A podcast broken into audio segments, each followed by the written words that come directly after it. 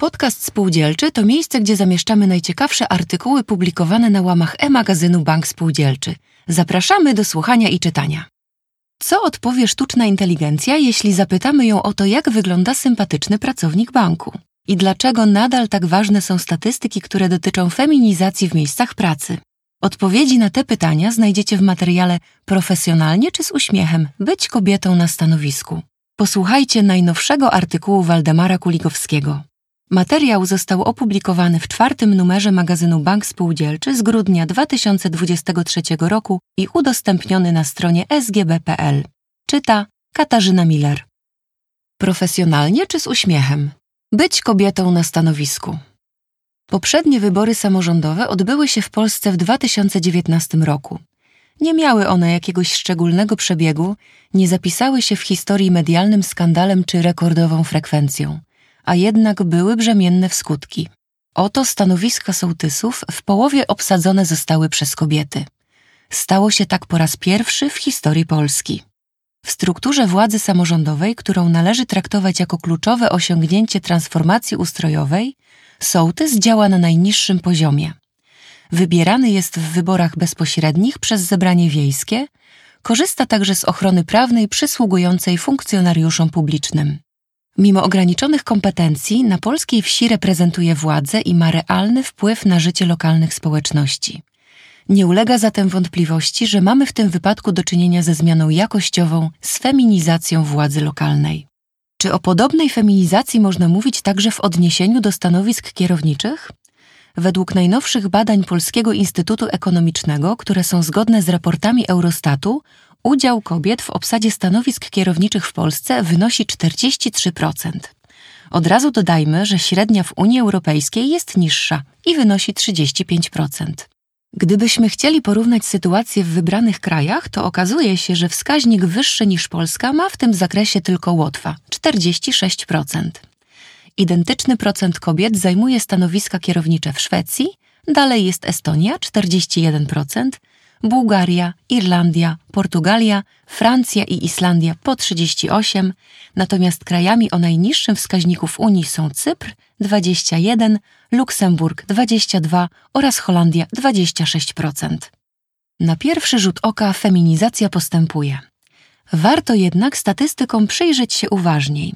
Otóż wśród branż, w których kobiety pracują na stanowiskach kierowniczych, dominuje handel – w liczbach bezwzględnych to 126 tysięcy osób.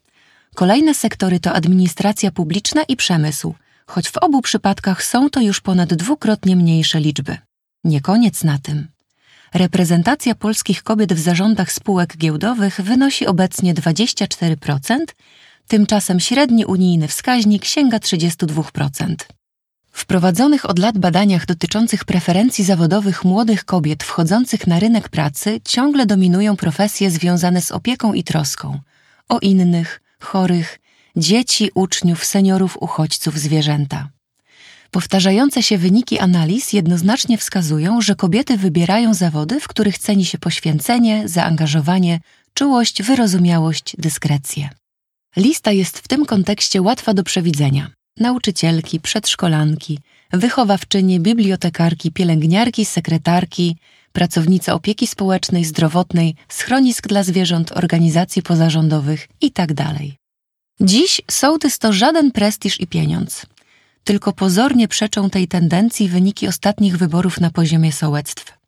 Jak trafnie zauważyła jedna z bohaterek reportażowej książki Agnieszki Pajączkowskiej i Aleksandry Zbroi, a co wyście myślały, spotkania z kobietami z mazowieckich wsi, dziś sołtys to żaden prestiż i żaden pieniądz. Tylko się człowiek narobi, a i tak wszyscy mają do niego pretensje. Dlaczego mężczyzn przestało to sołtysowanie interesować? Nie chce im się w takie coś bawić. Natomiast kobiety czują jakąś odpowiedzialność wobec ludzi. To, co przed momentem można było przyjąć jako dowody na rzecz pogłębiającej się feminizacji w sferze stanowisk kierowniczych, to w istocie raczej przesłanki, a nie twarde argumenty. Z raportu PARP Analiza luki zatrudnienia oraz wynagrodzeń kobiet i mężczyzn z 2020 roku jasno wynika, że jakkolwiek większość osób z wykształceniem wyższym stanowią dzisiaj kobiety, to wskaźnik ten nie ma bezpośredniego przełożenia na miejsce na rynku pracy. Dlaczego? Ich aktywność nadal utrudniają stereotypy płci, co w konsekwencji powoduje, że lepiej wykształcone kobiety rezygnują ze starań o atrakcyjne, eksponowane i dobrze płatne stanowiska. Często przy tym zaniżają wartość posiadanych przez siebie kompetencji. Raport informuje, że kobiety częściej niż mężczyźni mają trudności w dostępie do szkoleń, rzadziej także awansują. Ponurym przedłużeniem tej sytuacji jest fakt, że kobiety pracujące na najwyższych stanowiskach zarabiają wyraźnie mniej niż mężczyźni o porównywalnych z nimi kompetencjach. Zajrzyjmy do jeszcze jednego raportu. Tym razem chodzi o Hayes Poland Kobiety na rynku pracy 2022. Wynika z niego, że ponad połowa kobiet zetknęła się w toku swojej kariery z problemami wynikającymi z ich płci. Czy precyzyjniej rzecz ujmując, ze stereotypowym postrzeganiem charakteru, możliwości i sposobu pracy kobiet. Badane kobiety najczęściej doświadczały faworyzowania mężczyzn 55%, kierowania się stereotypami w decyzjach dotyczących zatrudnienia i awansu 53%, przypisywania im mniejszej dyspozycyjności 48% oraz wyrażania braku zaufania do posiadanych kwalifikacji 42%.